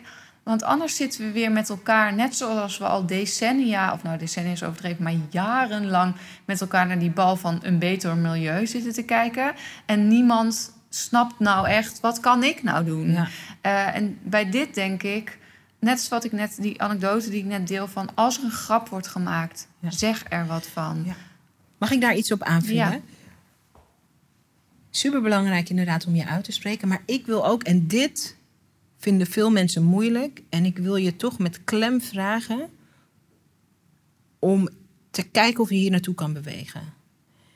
Wat ik veel hoor van uh, mijn witte vrienden en vriendinnen, en die heb ik ook veel, is: um, ik ben me eerst achter de schermen aan het inlezen. Mm En ik vraag dan ook soms van: uh, en wanneer weet je of je genoeg hebt gelezen mm -hmm. om je daarover te uiten? Uh, en dan, dat, dat weet het, dat de me dat weet, je, dat weet natuurlijk niemand. Wanneer weet je genoeg? Dat is, het is een beetje wat als we heel even een andere kant op schieten. Ja, het, is, het is, um, soms vraag je mensen die heel graag een eigen bedrijf willen beginnen, even een heel andere hoek. Ja, maar ik ben, ik, ik ben me eerst aan het. Een studie ja, ik moet nog een studie doen, moet nog een opleiding doen. en, dan, en dan verplaats je het moment van beginnen. Ik, ik, wil zeggen, um, breng je, zet je zoektocht in het licht. Zet je zoektocht in het licht. Daar kan je heel veel mensen mee helpen. Zet je, ik heb dit artikel gelezen. Ik moest een beetje overgeven in mijn mond. Ik had geen idee hiervan. Ik weet niet wat ik ermee aan moet. Zet je zoektocht in het licht. Net als dat Johan Derks had kunnen zeggen. Geen idee waar deze commotie over ontstaat, want ik ben al twintig jaar aan deze tafel dit aan het zeggen. Maar ik wil wel onderzoeken wat het effect is van mijn woorden. Zet je zoektocht in het licht. Mensen zijn aan het wachten tot ze de perfecte mening hebben, de perfecte antwoorden hebben. Maar tot waar, ze alles waar begrijpen. dat, denk jij in? Denk je dat het angst is? Ja, ik weet zeker dat het angst is. Om afgerekend te worden? Ja, angst om, om iets verkeerd te zeggen? Ja, angst om, het verkeerd te zeggen. Angst om uh, ook gewoon, en dat is ook een basale angst, angst om het niet te weten. Hè, je mag op school pas je hand opsteken als je het antwoord wist. Dit is, dus, dit is de classroom waar je je hand opsteekt voordat je het antwoord weet en zegt: Dit is hoe ik zoek naar het antwoord. Ja. Daar heb je. Of dit is de uitgelezen kans om de spier maar eens te gaan trainen waar wij het net over hadden. Hè, ik ben ook niet eens over dit soort onderwerpen, maar door me steeds meer uit te gaan spreken over van alles, heb ik geleerd dat het veilig is in, bij mezelf. ja, het is veilig. Uh, en dat het dus oké is. Ja, you're not gonna, er gebeurt niks vreselijks. Tuurlijk zullen mensen niet met je eens zijn. Maar we zijn ook volwassenen. Mhm. En als jij je zoektocht in het licht brengt. Kijk, we hadden het er net over dat we niet. Het is een marathon, geen sprint. We, dat we, we hebben het over gehad. Nou, dat, dat is wel mooi, ja. Want dat is ook de reden waarom wij ook, ook hier een vervolg op willen geven. Weet je, het is, het, is, het is niet de bedoeling dat we nu naar een, een sprint hierover ophouden. Ja. Ja, en het is ook zo dat elke keer als je je zoekt, of hè, waarom, wat maakt dat dan uit? Het gaat niet om de antwoorden, het gaat om dat we als maatschappij, en we zijn allemaal individuen, dat, dat we de juiste vragen stellen. Waarom is het zo dat de politie etnisch profileert? Waarom is het zo dat de Belastingdienst etnisch profileert? Waarom is het zo dat voor sommige ziektes veel minder aandacht, veel minder funding is? Waarom is het zo dat bijna alle redacties in Hilversum niet lijken op de samenleving? En kijk, ik heb gewerkt op redacties als redactielid breng je niet alleen je expertise en je tijd en je energie, maar je brengt ook je zienswijze mee. Mhm. We krijgen gebalanceerde beeldvorming als verschillende mensen hun zienswijze meebrengen. Waarom is dat niet? Wat ontdek je daarover? Als je je zoektocht in beeld brengt, dan blijf je constructief met je, ook met je ik weet het niet, bijdragen aan die discussie. Waarom doe je dat? Dat doe je voor Claire's zoons. Dat doe je voor mijn dochter. Als genoeg mensen de vraag stellen: waarom worden die kinderen met die niet-westerse achtergronden niet uitgenodigd voor die sollicitatie? Je doet dat voor onze kinderen, maar je doet het ook voor jezelf. Met name ook. Je doet het ook voor jezelf, omdat je weet ook dat jij beter gedijt bij een samenleving waarin we getraind zijn om die vragen te stellen. Al het andere is is een vorm van ontkenning waar uiteindelijk niemand goed uitkomt. En, en het vraagt van je, ja, het vraagt van je, uh, net als dat dat ook voor ons geldt, wij proberen dat ook te doen in deze podcast. Het vraagt ook lef om met je half leeg of met je lege handen te komen opdagen en te zeggen: Ik weet het nog niet. Of ik voelde dit erbij. Wat je vindt en wat je ervaart, wat je weet, wat je niet weet, is allemaal het verhaal. Breng die zoektocht in beeld. Ga niet achter de schermen die zoektocht doen eh, totdat je denkt: ik heb nu een maatschappelijk acceptabel antwoord en dan kom je, en dan kom je, dan kom je dat vertellen. Nee, joh. Nee. Er is zoveel, je hebt zoveel macht, heb je. Maar je hebt het wel in te zetten. Ja. En dat wil ik. En, ehm, en je ongemak is niet belangrijker dan het leed. En dat is gewoon ook belangrijk. Je ongemak is niet belangrijker dan het trauma. Ik snap het. Ik heb het ook, dat ongemak. Maar ik wil dat toch, ik wil dat toch ook. Uh... Gezegd hebben. Ja, ja, je ongemak. belangrijk. Het gaat erom dat dit is de tijd. En misschien kunnen we afsluiten met, met ook een, een stuk. We zijn natuurlijk allebei uh, super spiritueel. misschien kunnen we. Um, dit is niet de tijd de reden dat het zo lang door heeft gewoekerd is omdat uh, het ook lang voor veel mensen onzichtbaar was. Maar ook sommige van de grootste trauma's in de wereld, sommige van de grootste misdaden tegen de, tegen de mensheid zijn ontstaan omdat heel veel mensen aan het wachten waren om er iets van te zeggen. Mhm. In de Tweede Wereldoorlog. Mhm. Nou ja, er gebeurt van alles met die groep mensen. Uh, nou ja, ik weet het niet precies, ik wacht nog even. Um, met zoveel vormen van op grote schaal onrecht. En ik zeg niet, ik vergelijk dat niet allemaal. Ik scheer het niet over één kam. Maar dat mechanisme van uh, afwachten en uh, ja, ik weet het niet. En uh, ik kom opdagen als ik het weet.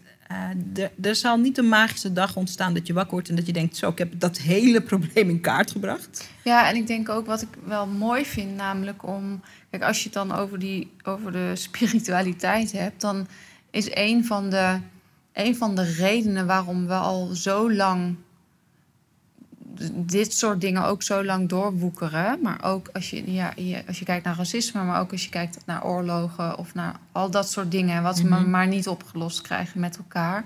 Dan zit dat energetisch vaak omdat de pendel de ene kant op zwengt. Mhm. En dan moet hij ook helemaal de andere kant op. Terwijl als je meer naar het midden uitkomt, mhm. dan blijft hij meer in balans. En dat vind ik juist het ongekend knappe en ook mooie. Wat er nu, als je echt de beelden goed bekijkt van de afgelopen weken, mhm. vanuit de zwarte community ontstaat, is dat zij bereid zijn om vrij snel al naar het midden toe te bewegen. Maar dat ze wel de erkenning eh, nodig hebben. Van dit is een probleem. Hoe merk je dat? dat nou, uh... bijvoorbeeld op het moment dat je... Eh, stel je kijkt naar de beelden in, vanuit Amerika... dan zie je dat op het, al, op het moment dat al de politie buigt... of sorry zegt, of iemand...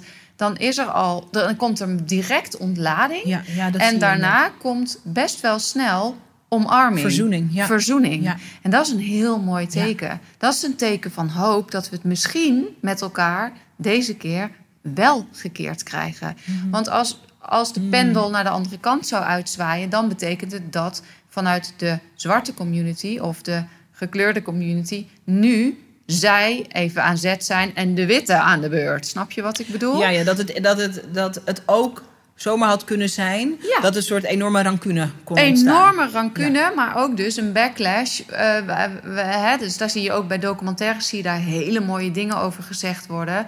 Nou, dat is wel van al uh, eh, 30 of zo jaar geleden. Ik weet het niet precies. Volgens mij heb jij hem ook gezien en ook gedeeld. Maar ik kom nu even niet op de naam. Maar 13? Daarbij... Nee, nee, nee. Die hadden we benoemd in de vorige keer. Maar het is een, het is een andere documentaire waarbij... Um, de angst dat, dat de, een, een, een zwarte man heel wel bespraakt zit op een podium met een, met een publiek. En uh, dat, de, eh, een witte dame of zo, die heeft het er dan over van. Um, um, ja, dat ze ook de manier waarop er dan heel fel en vrijwel agressief vanuit de zwarte community gesproken wordt, dat ze dat heel uh, dat ze dat eng vindt of zo. Zoiets, daar ergens zoiets. Ik kan het nu niet helemaal duiden, maar wat hij daar al heel mooi op zegt is: ja, maar dat is gewoon jouw schuldgevoel en dus je fear dat als de rollen omgedraaid zouden gaan worden, hmm. of als we in equality terechtkomen, dat het jou aangedaan kan worden. Hmm. En dat is die pendel waar ik het over heb. En ik zie nou juist nu in heel veel beelden de zwarte community dat helemaal niet doen. Mhm. Dus die, zij hebben wel dat trauma waar jij het over hebt. En misschien wel de verbittering waar je net over sprak. En misschien ook wel de boosheid terecht. Maar ook bereidheid. Mhm, zeker. Dat is ook wat jij aankaart van. Ik had wel bereidheid verwacht van zo'n Johan Derksen. Ja, En dat vind ik dus heel, als je dan spiritueel kijkt, vind ik heel mooi dat dit nu allemaal ontstaat. Omdat ik bij jongere generaties zie ik sowieso ontstaan. Nee, dit gaan we niet meer doen met elkaar, toch? Ik mhm. kan niet eens geloven. Dat is al heel hoopgevend. Maar bij de, de polariteiten die elkaar nu ontmoeten, zie ik in ieder geval een mogelijkheid en optie voor een pendel die wat meer in het midden gaat blijven. Mhm, mhm. En alleen dan kunnen we het overstijgen met elkaar. Ja. Want anders dan gaat, dan gaat hij gewoon de komende decennia naar de andere kant. En dat is ook niet wat we met elkaar willen. Maar daarvoor is wel erkenning, echte radical honesty, ja. in de spiegel durven kijken en komen opdagen. Daar is dit allemaal voor nodig. Ja. En ook wel ongemak. Omdat dat de eerste ingang is. Ja, zeker. Maar daarna wel ook wat jij zegt. Ben maar klaar met jouw gevoeligheid en onderzoek willen doen en het juist willen zeggen. Dat daar zijn we nu even niet aan. Daar, eh, dat nou ja, hoeft nu het mag er zijn, maar het Tuurlijk, is. Want dat moet je niet weerhouden van. Nee, het hoef je niet te weerhouden van. Ja. Er is no perfect. Er is geen manier om de perfecte witte persoon te zijn. Het is geen manier om de perfecte zwarte persoon te zijn. Het gaat over, en dan komen we toch weer. Johan Derks is ene rode draad.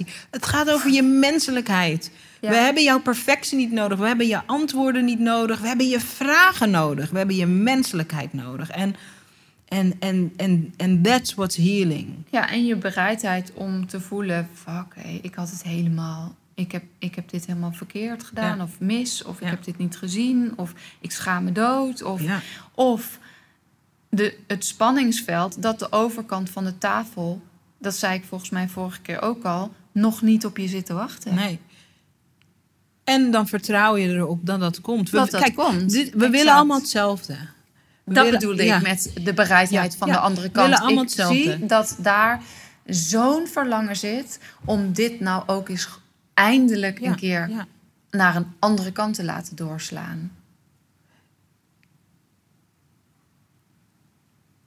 Dat is het. Ik wil willen, dat wil jij ook voor je kinderen. Ik wil gewoon dat mijn kind, uh, als ze een ateneem of een VWO-advies krijgt, dat ze dat gewoon krijgt. Ik wil dat niet gaan bevechten op die stomme school. Nee. Ik wil dat mijn kind met haar Afrikaanse achternaam overal mag binnenstappen om te bewijzen dat het kan. En als ze wordt afgewezen, dan wil ik dat ze wordt afgewezen op haar kwaliteiten, dingen waar zij aan kan werken. Exact. En ik, wil daarom. Ja. Ik wil ook. Ik heb nu de pijn in mijn jongens ogen gezien op negenjarige leeftijd dat ik moest uitleggen dat er inderdaad protesten waren, waar we misschien wel heen wilden of niet, waarbij mensen protesteren tegen andere mensen die hen niet leuk vinden om hun kleur.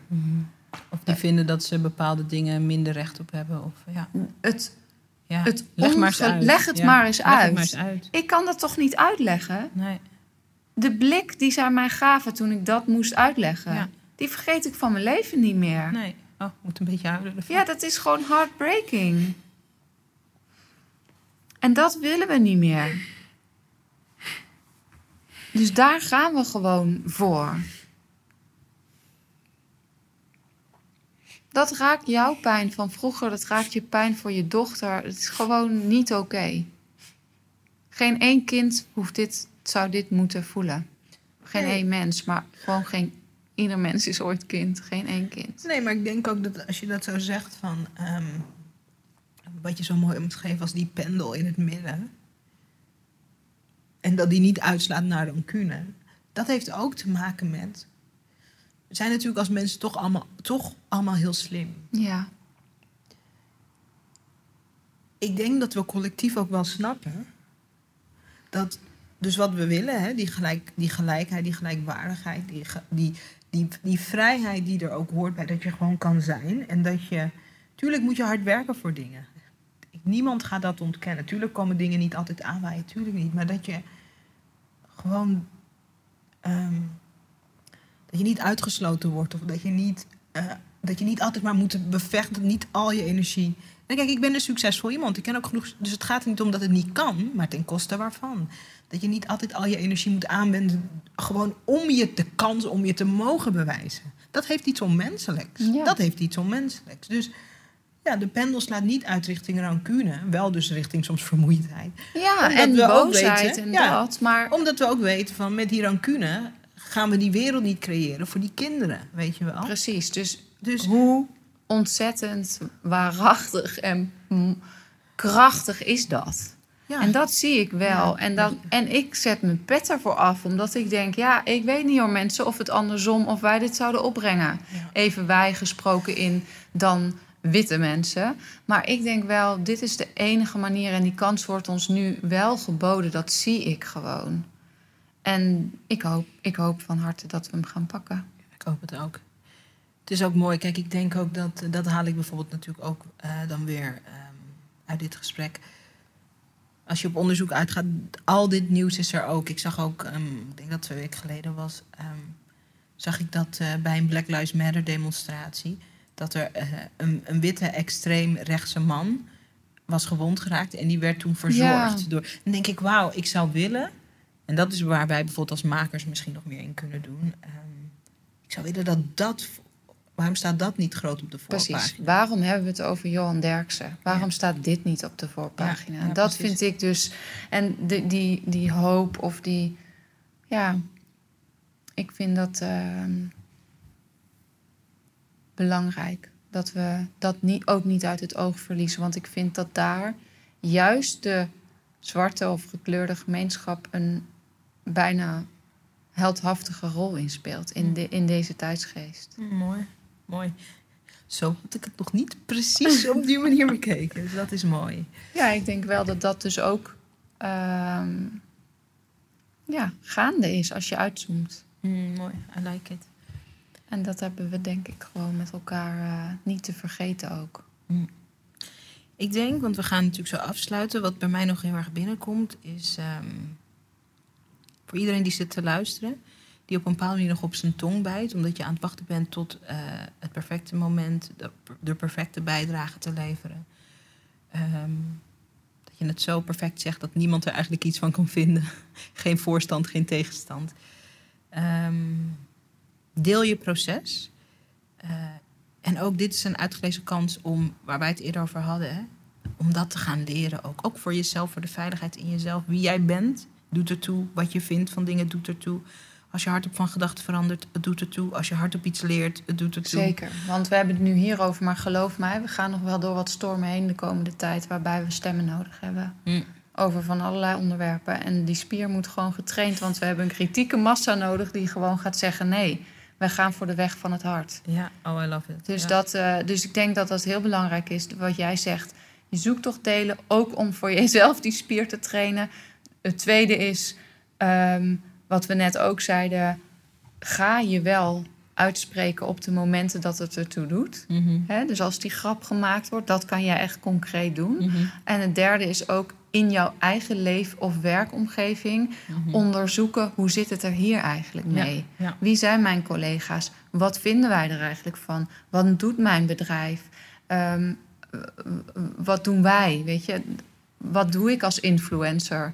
Eh, hoe ziet mijn vlog of blog eruit? Mm ik heb een heel podium. Waar spreek ik me eigenlijk over uit? We hebben ons allemaal in ons eigen tuintje op dit soort onderwerpen druk te maken. Mhm. Want dan kunnen we een olievlek creëren en de wereld anders een andere kant op sturen. En niet als we met elkaar naar elkaar blijven zitten kijken of denken, nou die bal pakken de grote spelers wel even op. Doet er niet toe, klein of groot. Nee, eens. En je doet het voor je kinderen. Ja. We doen het voor elkaars kinderen. Want in dit, en daar wil ik dan toch misschien ook mee afsluiten. In dit systeem, dat racisme, dat institutioneel racisme. Ehm, in dit systeem van verdeling komt bijna uiteindelijk, als we het niet bij de wortel uitroeien, bijna niemand komt er goed vanaf. Nee. Ook uiteindelijk, als we toestaan dat dit er kan zijn voor een bepaalde groep mensen, uh, dan zeg je daarmee dat alle groepen die niet witte oude mannen zijn, op een bepaalde manier uh, um, gedupeerd kunnen en mogen worden. Alle, ja, van, van vrouwen tot tot... Uh, gehandicapten, ja, tot ja, whatever. Ja, want iedereen, behalve de, de witte hetero... Rijke man. man. iedereen valt op een bepaalde manier... op een bepaalde manier buiten de groep. En als het systeem bestaat, racisme en institutioneel racisme is een heel... Uh, steeds uh, is een heel, um, gen, um, heel diep geworteld systeem. Maar als we onszelf toestaan om op die manier in de wereld te, te bewegen, uiteindelijk, moet iedereen, uiteindelijk wordt iedereen daar uh, op een bepaalde manier niet beter van. Nee, ja, kijk, um, all is one. Hè? Dus uh, dat wat jij toestaat aan onderdrukking aan de andere kant van het stokje, is dat wat je zelf ook niet kunt gaan ervaren. Dus dan zijn we nooit vrij, niemand. Nee. Daar willen we niet heen. Nee, daar willen we weg van. Daar willen we, we gaan de andere kant op bewegen. En, en dus ik zie daar ook wel echt hele mooie signalen van. Maar het mhm. vergt wel uh, dat we allemaal opkomen dagen. Ja, ik moet uh, denken, daarna gaan we echt afsluiten. Ik moet denken aan, uh, en iemand gaf laatst ook die, die vergelijking. Um, en misschien hebben we het in de vorige podcast ook besproken, besproken weet ik niet. Um, mijn bevalling duurde 30 uur. en toen mijn dochter er was, keek ze me echt zo aan van... hé hey mam, hoe gaat het? Relaxed, meest relaxed baby ze helemaal op me. Um, maar vlak voordat je kind geboren wordt, you feel like je kan niet meer. Hmm. Je, je kan niet meer, je bent op, je bent leeg, je denkt ik ga het niet redden. Het schijnt dat dat een soort universeel, ik ga het niet redden. Ik geloof dat we daar nu collectief zijn. Zeker. Dat we denken, oh my god. Dit gaat niet goed komen. Ja. But it will. Ja, maar de geboorte, de rebirth, de it's on its way. Hmm. En uh, fijn ook. Ik vind dat jij uh, ons uh, daar in deze podcast bijzonder goed ook aan hebt herinnerd. So thank you. Thank you for creating the space. Ja, jij ook. Dank je wel voor dat we dit gesprek überhaupt weer kunnen voeren. Ja. Super belangrijk. Ja. Mooi. Kom kletsen ook. Deel wat, eh, wat je meeneemt, deel wat je leert, deel... Ja, en hoeft ook niet het perfecte te zijn. En Nee. mogen ook kritische vragen zijn. Of Oh, dingen zeker. waarvan je denkt, eh, dit zeiden jullie wel, maar dat vind ik eigenlijk niet. Nee, Hoe zit dat? Nee. Kom, kom in dialoog treden. Ja, Dat is mooi. mooi. Dankjewel. Dank voor het luisteren.